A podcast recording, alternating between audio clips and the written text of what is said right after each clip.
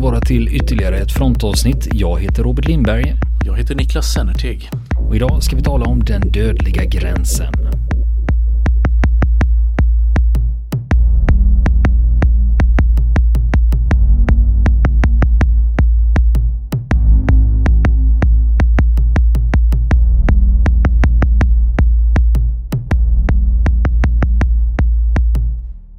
Ja, Niklas, vi ska tala om den dödliga gränsen. Det finns ju mängder av människor som har dött på gränsövergångar. Och, mm, det finns många gränsland. dödliga gränser. Många dödliga gränser. Jag tänkte först när du nämnde det här så tänkte jag Nord och Sydkorea. Ja, det är en annan gräns än den jag hade tänkt tala om ja. idag.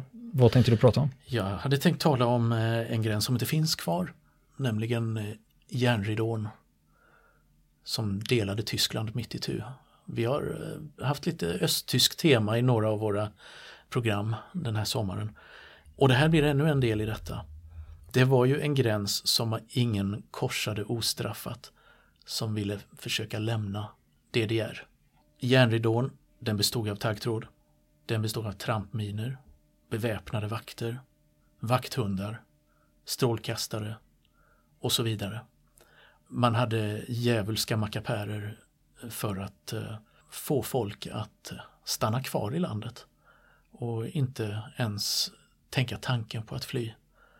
Och en av dessa mest utstuderade mackapärer det var någonting som på tyska heter Selbstschussanlage. Vet du vad det är för någonting? En Selbstschussanlage. Ja, jag, jag, jag, jag gjorde lite research på det härom, häromdagen faktiskt. Så mm. Då vet jag vad du pratar om, den kallades SM70. Just det, ja, precis, det är modellbeteckningen. För det var nämligen det jag hade hört pratas mm. om att det fanns självskjutande gevär. Mm. Alltså automatiska gevär eh, mm. längs med gränsen. Och då tänkte jag, men hur fungerade de? För jag tänkte rent tidsmässigt så tekniken mm. var inte så utvecklad så hur fungerade de här? Mm. Och när jag läste lite närmare så visade det sig att det är inte ett självskjutande gevär så som man Nej. tänker sig utan det är, det är snarare det en splittermina. Det är en splittermina och eh, den eh, ser ut lite grann som en kägla som man satte upp på eh, horisontellt utefter på insidan av gränsstaketet där eh, den som skulle fly förmodligen skulle försöka klättra upp då över det här sista taggtrådsstängslet. Där hade man satt de här med vissa avstånd då, de här splitterminerna då som hade en riktad sprängverkan. Och SM70 då, det betyder just splittermina 70 på militärspråk i Östtyskland. Och man skulle alltså avskräcka människor och kunde man inte avskräcka dem så skulle man hindra dem genom att helt enkelt döda dem eller svårt skada dem när de försökte korsa gränsen. Det var eh, tanken med de här splitterminerna då. De fanns då längs hela den här 440 kilometer långa gränsen mellan Väst och Östtyskland. Dock ej vid eh, Berlinmuren och det är viktigt att poängtera för det är nämligen ibland när man pratar om Berlinmuren mm. då, kommer, då dyker det här upp att och de hade självskjutande gevär. Ja, Nej, det hade, det hade de inte. Nej, precis. Det fanns inte vid Berlinmuren. Inte där, men just vid den eh, andra gränsen som gick genom Tyskland, där fanns de. Ja, hur fungerade de? Jo, de hade, det fanns 100 gram TNT, eh, sprängmedel i dem. Det var en trådutlösare som man eh, hade spände ut då över ganska långa avstånd. Och när någon rörde vid den här tråden så utlöstes den här sprängladdningen. Och med sprängladdningen följde det ett hundratal splitter som sprayades ut i den riktningen som den här minan var riktad mot. Och de satt på tre olika höjder upp till tre meters höjd. Då för att man eh, skulle vara säker på att eh, träffa de som försökte fly den vägen. Och de hade ett effektivt avstånd på eh, drygt 100 meter eh, som de kunde träffa på upp till 120 meter. Så eh, blev man skadad ganska svårt av den här svärmen med splitter som kom och stod du närmare, kanske under 50 meter så var risken stor att du dödades så som jag förstått mm. det så var den behäftad med en hel del problem inledningsvis. Till exempel att de här, mm. de här snubbeltråden då som man fäste i minan att det kom fåglar och satsade på den och utlöste mm. den. Och, de var ju väldigt känsliga och massor av vilda, vilda djur då som kom för nära. Och med rådjur och grejer. Dem. Ja, precis. Mm. Och kaniner då allt möjligt mm. beroende på. Eh, så att det blev, var ett fasligt smällande vid, vid gränsen i början där då innan man hade trimmat in dem där. För man byggde även, man satte dem i små väderskydd mm. så att de inte skulle vara så utsatta för precis. väder och vind. Precis, precis. Och på den här gränsen då, vi, vi snackar 440 kilometer gräns och där placerade man ut 60 000 sådana här apparater från 1970 eh, då. Det var då man började sätta upp dem. Och i största hemlighet naturligtvis. Det var naturligtvis ingenting som man informerade omvärlden om. Eh, man lät det så småningom eh, gå upp för den eh, inhemska befolkningen då att det fanns sådana här mackapärer och det skedde inte via officiella vägar utan genom anhöriga och vänner som tjänstgjorde i gränstrupperna och när de hade slutat tjänstgöra eller var på permission så spred sig det här bland befolkningen som en slags viskningskampanj kan man säga från öra till öra. Eh, att det fanns sådana här apparater och det var ju naturligtvis avsiktligt också att det här skulle det skulle på något sätt spridas bland den egna befolkningen. Men det var ju ingenting man ville informera omvärlden om för det här var ingenting som såg speciellt bra ut inför omvärlden. Att man hade sådana här saker därför att det skulle framstå som ganska barbariskt. Även diktaturer är ju känsliga för sin image i omvärlden då var det så att de här satt, Eh, de här förnekade, existensen av de här förnekades i många år av DDR utåt.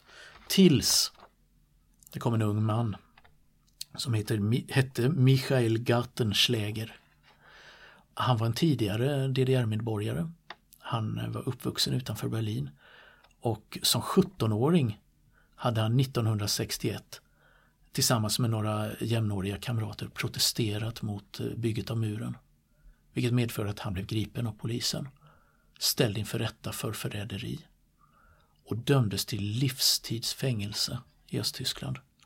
Och där satt han i fängelse ända fram till början av 70-talet när han var vid ganska dålig hälsa och blev eh, utköpt av Västtyskland. Därför att eh, kan man säga vid sidan av att det förekom en hemlig, mer eller mindre hemlig överenskommelse mellan Väst och Östtyskland. Att Västtyskland kunde köpa politiska fångar från Östtyskland. Därför att Östtyskland behövde västvaluta. Och de hade icke önskvärda personer? Hade icke önskvärda personer, två flugor i en smäll. Man blev av med dem och man fick pengar, mycket pengar. för dem. Och han var en av personerna då som återfick friheten på det här sättet och i början av 70-talet så när han hade kurerats och fått fotfäste i Västtyskland så drev han en bensinstation i Hamburg. Men fortsatte att hjälpa flyktingar att komma ut ur Östtyskland på olika sätt. Och eh, han sägs ha hjälpt flera stycken att eh, komma över gränsen i, i hemlighet på, på olika sätt. Och han visste om de här manickerna, Selbstschussanlage, automatiska, eh, ska man säga, skjut apparater. Om man nu skulle översätta det ordagrant. Han visste om dem, men DDR förnekade dem. Så han beslutade sig för att ta sig till gränsen och hämta en. Att han lyckas faktiskt med detta konststycket då 1976. Han klättrar över? Han klättrar över gränsen på ett ställe i norra Tyskland i mars 1976 och skruvar ner en sån här splittermina. Inte helt ofarligt ska In, vi kanske tillägga. Inte helt ofarligt på många plan kan man säga. Och tar med sig denna. Sen säljer han denna dyrt till en av Västtysklands största tidningar, en tidning som finns kvar än idag, Der Spiegel. Oerhört seriöst nyhetsmagasin. Tillsammans med sin egen livsberättelse. Så det blir ett stort uppslaget reportage och beviset konkret. Här är manickerna som Östtyskland förnekar.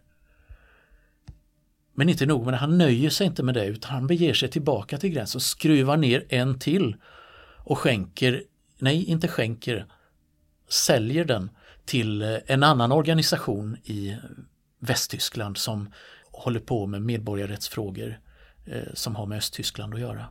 Bara för att visa att det här är vad som pågår. Här kan ni se med egna ögon. Men eh, varför sluta där, tänkte han. Det ligger ju stålar i det här, ja, eller? visst.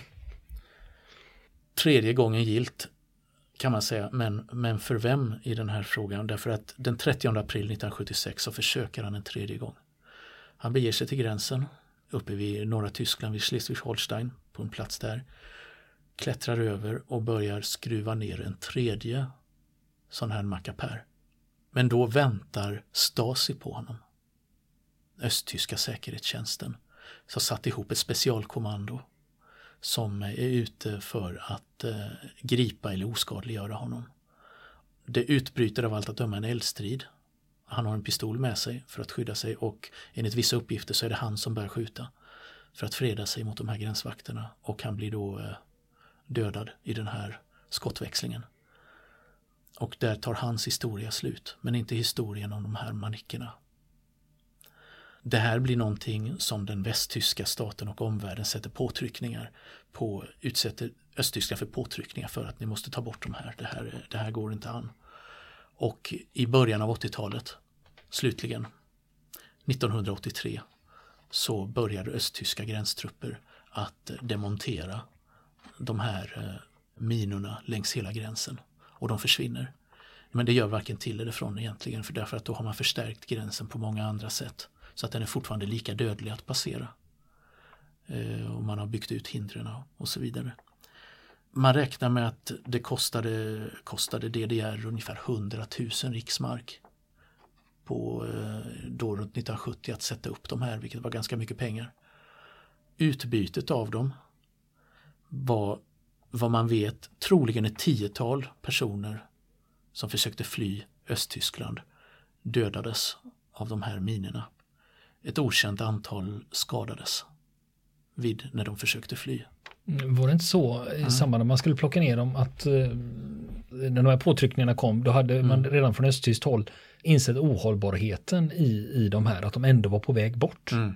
Visst, man hade Rent tekniskt och man hade andra ja. saker så det var ändå ett föråldrat system och det skulle ändå bytas ut och då mm. att man hängde mm. på, man hängde på Västtyskland där och så mm. körde man lite goodwill på det. Precis. Okej, vi plockar ner dem och så. Så var det. Så man kan säga att det som gjorde gränsen så dödlig var i första hand inte de här apparaterna, även om de var så att säga symbolen för liksom ett omänskligt system och vad det gör mot sina egna medborgare. Utan det var framförallt de östtyska gränsvakterna som faktiskt hade order ända sedan 1960, förmodligen dessförinnan, att skjuta alla som försökte passera gränsen olovandes. Och det kallas för eh, skjutorden då, översätta från tyska. Och den gick till gränssoldaterna först inofficiellt det var en intern order som eh, inte heller den då skulle spridas till omvärlden men det var någonting som så småningom spreds då och blev allmänt en officiell hemlighet. Att eh, försöker du ta dig över gränsen, klättra över stängsel, då dör du. Den här orden den var i kraft ända till 1989, till, tills murens fall. I olika, eh, med olika formuleringar i olika utföranden. Då, och eh, Först så var den bara en hemlig order som inte hade förankring ens i DDRs lag ska man veta. Utan det kom först på 80-talet. Då gjorde man det legitimt att eh, en del av, av östtysk lag då att eh, det var rätt att döda personer som försökte eh, ta sig över gränsen då. Det finns fortfarande idag de som försvarar DDR och som är anhängare till den gamla regimen där tidigare funktionärer där som förnekar att det har funnits någon sån här order. Eh, så det kan man stöta på ibland i, i lite debatter och, och så vidare, även ute på nätet i olika forum. Så kan man se det här. Eh, speciellt då i Tyskland naturligtvis då på diskussionsforum. Att eh, det som totalt förnekar att det har inte existerat. Men vad man vet, någonstans mellan 400 och över 1200 människor förlorade livet på grund av den här orden när de försökte eh, korsa gränsen. Man vet inte säkert, det finns olika beräkningar. Den enda siffra man vet säkert är hur många som förlorade livet vid Berlinmuren sedan den byggdes 1961 fram till den revs 1989 och det är 136 personer. Men totalt så var det många, många fler utefter den tysk-tyska gränsen så att säga.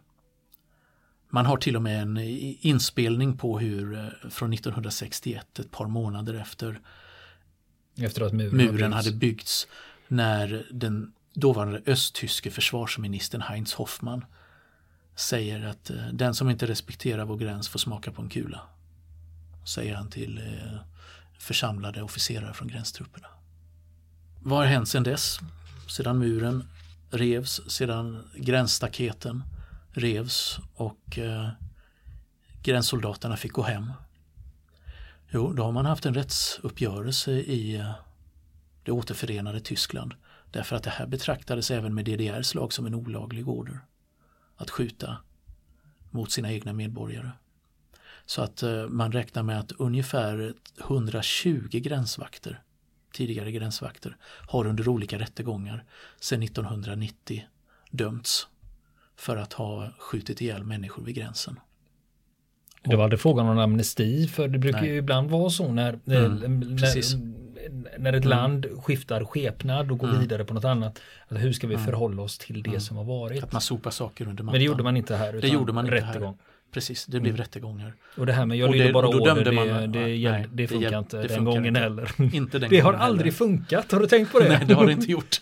Hiro och, och Noda som vi har pratat om tidigare, ja. eh, japanen ja. som mm. höll ut i en filippinsk djungel i 29 mm. år. Han blev faktiskt benådad för mm. han trodde att andra världskriget pågick fram till 1974. Ja, Men utöver det så det här med att jag lydde bara order, den, mm. det funkar Det inte. funkar inte, för man har oavsett maktförhållanden och där man befinner sig i en organisation så har man ändå ett eget ansvar, ett eget moraliskt ansvar. Oavsett konsekvenserna för ens egen person. Så att eh, det kommer man inte undan. Och flera höga funktionärer från Östtyskland eh, som betraktades som ansvariga eller medansvariga för den här orden har också dömts till fängelsestraff under 1990-talet och början av 2000-talet i Tyskland. Mm. Men du nämnde ju det att under 80-talet så in, kom det in i den östtyska lagen. Mm. Just det. Men det hjälpte inte? Nej, alltså eh, det handlade om de sista åren. Men eh, det hade ju hänt mycket elände innan dess.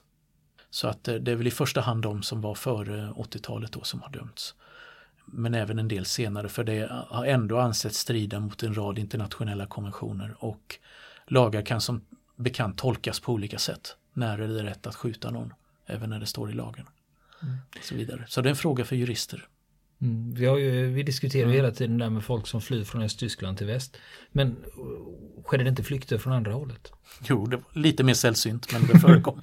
ja, men det finns historiska det exempel på ja, det. Ja, det gör det.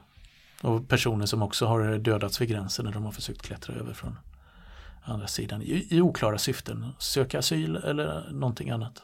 Det, de östtyska gränsvakterna var inte kända för att fråga innan de sköt.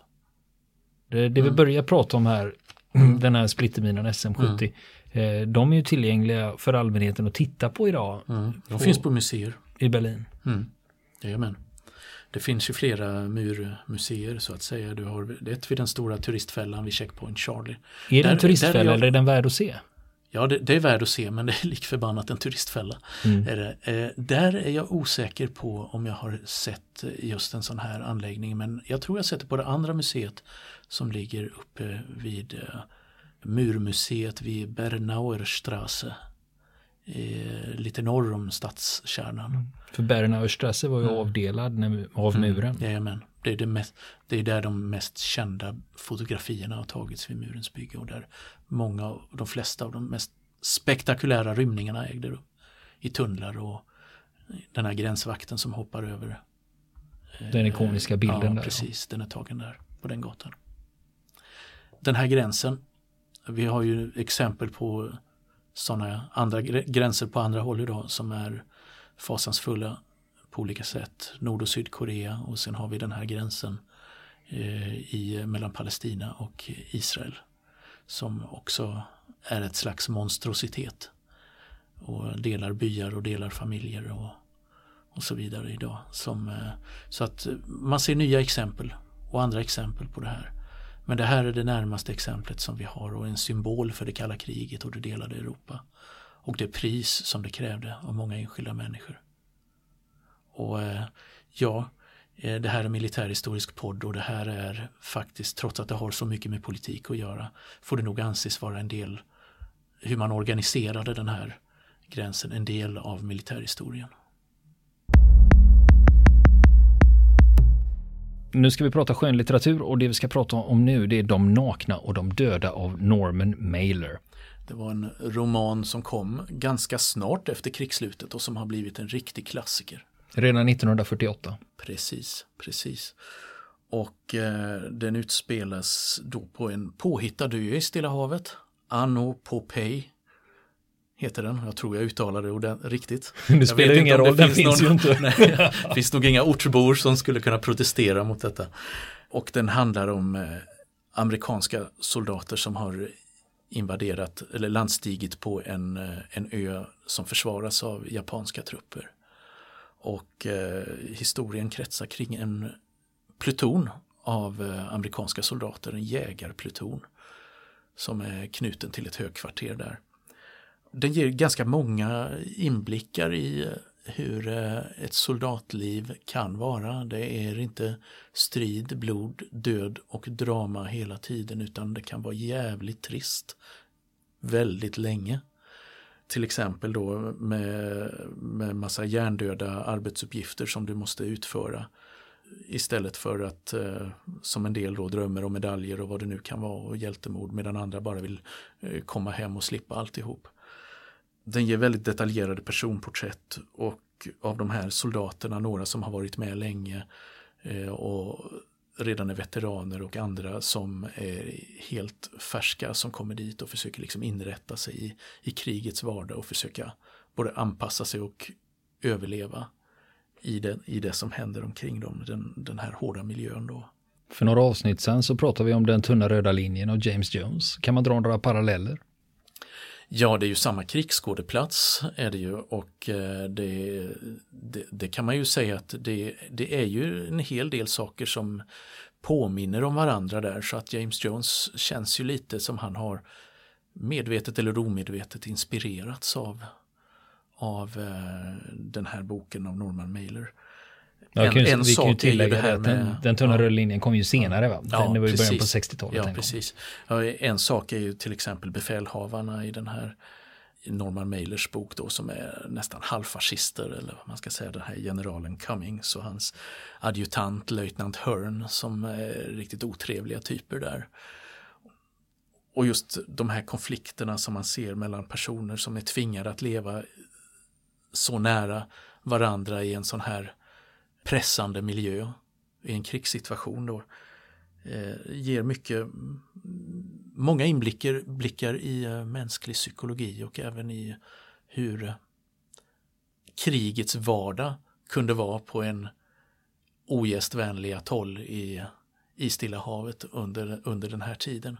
Och Norman Mailer han hade ju faktiskt varit med som soldat under eh, striderna i Stilla havet även om han själv inte direkt hade deltagit i så många strider.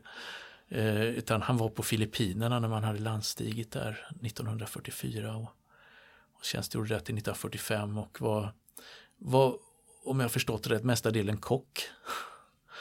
Och eh, han sa själv, för jag träffade, jag träffade honom eh, för massa år sedan i samband med en bokmässa i Göteborg. Fick jag tillfälle att bara byta några ord med honom där han var väldigt omsvärmad och, och, och så den gången. Men eh, jag, jag, frågade honom om hans eh, hur mycket hans egna upplevelser hade påverkat den här boken som han skrev. Och han gav mig inte något egentligt svar på det för han, han sa bara att ja, vi var fruktansvärt dåliga soldater. det var hans intryck av, av sitt eget förband då, ett slags kavalleriregemente då. Inga hästar då utan de hade ju fordon. Som var där, så vi, vi var fruktansvärt, fruktansvärt dåliga soldater. Det var eh, var så och eh, sen svarade han egentligen inte på så, så mycket mer på den frågan. Gjorde han inte. Men han, han tyckte att den här boken, han har ju skrivit, skrivit väldigt många böcker efter det, men det enda folk kommer ihåg var de nakna och de döda. Hans första stora. Ja. Så han, han, tyckte att han kände, han kände sig som en dinosaurie med en tio meter lång svans. Du vet. Man får inte glömma Norman Mailer ja. var ju inte bara produktiv mm. författare utan han mm. var ju mm. även eh, väldigt stor debattör och ja. syntes vid väldigt mycket amerikansk media under mm. hela efterkrigstiden. Precis. Och eh, gjorde sig många fiender där på många sätt. Kan man säga i de där debatterna för han var ju ganska frejdig i det här och tvekade aldrig att säga vad han tyckte. Och det var har inte sett... alltid bekväma sanningar. har du sett debatten med Germain Greer? Nej. Nej, det var ju okej. Mm. Nej, det, det var, nu kommer vi åt, långt ja. åt helvete. Ja, det är 70-tal. Mm. Eh, klart läsvärd, nästan tidlös roman. Historisk roman. Ja, vad ska man säga mer? Bättre än så här blir det egentligen inte. Skulle du tycka att det är den bästa romanen? Jag på det här inte, temat? Men det tillhör, det, jag vågar inte rangordna dem men det, det tillhör definitivt de fem bästa romanerna på det här temat som jag har läst. Vill ni komma i kontakt med oss så kan ni göra det via vår Facebook-sida som heter Fronten. Det är inga problem för er att leta er fram där. Eller också så mejlar ni på vår mejladress och det är frontenpodcast.gmail.com.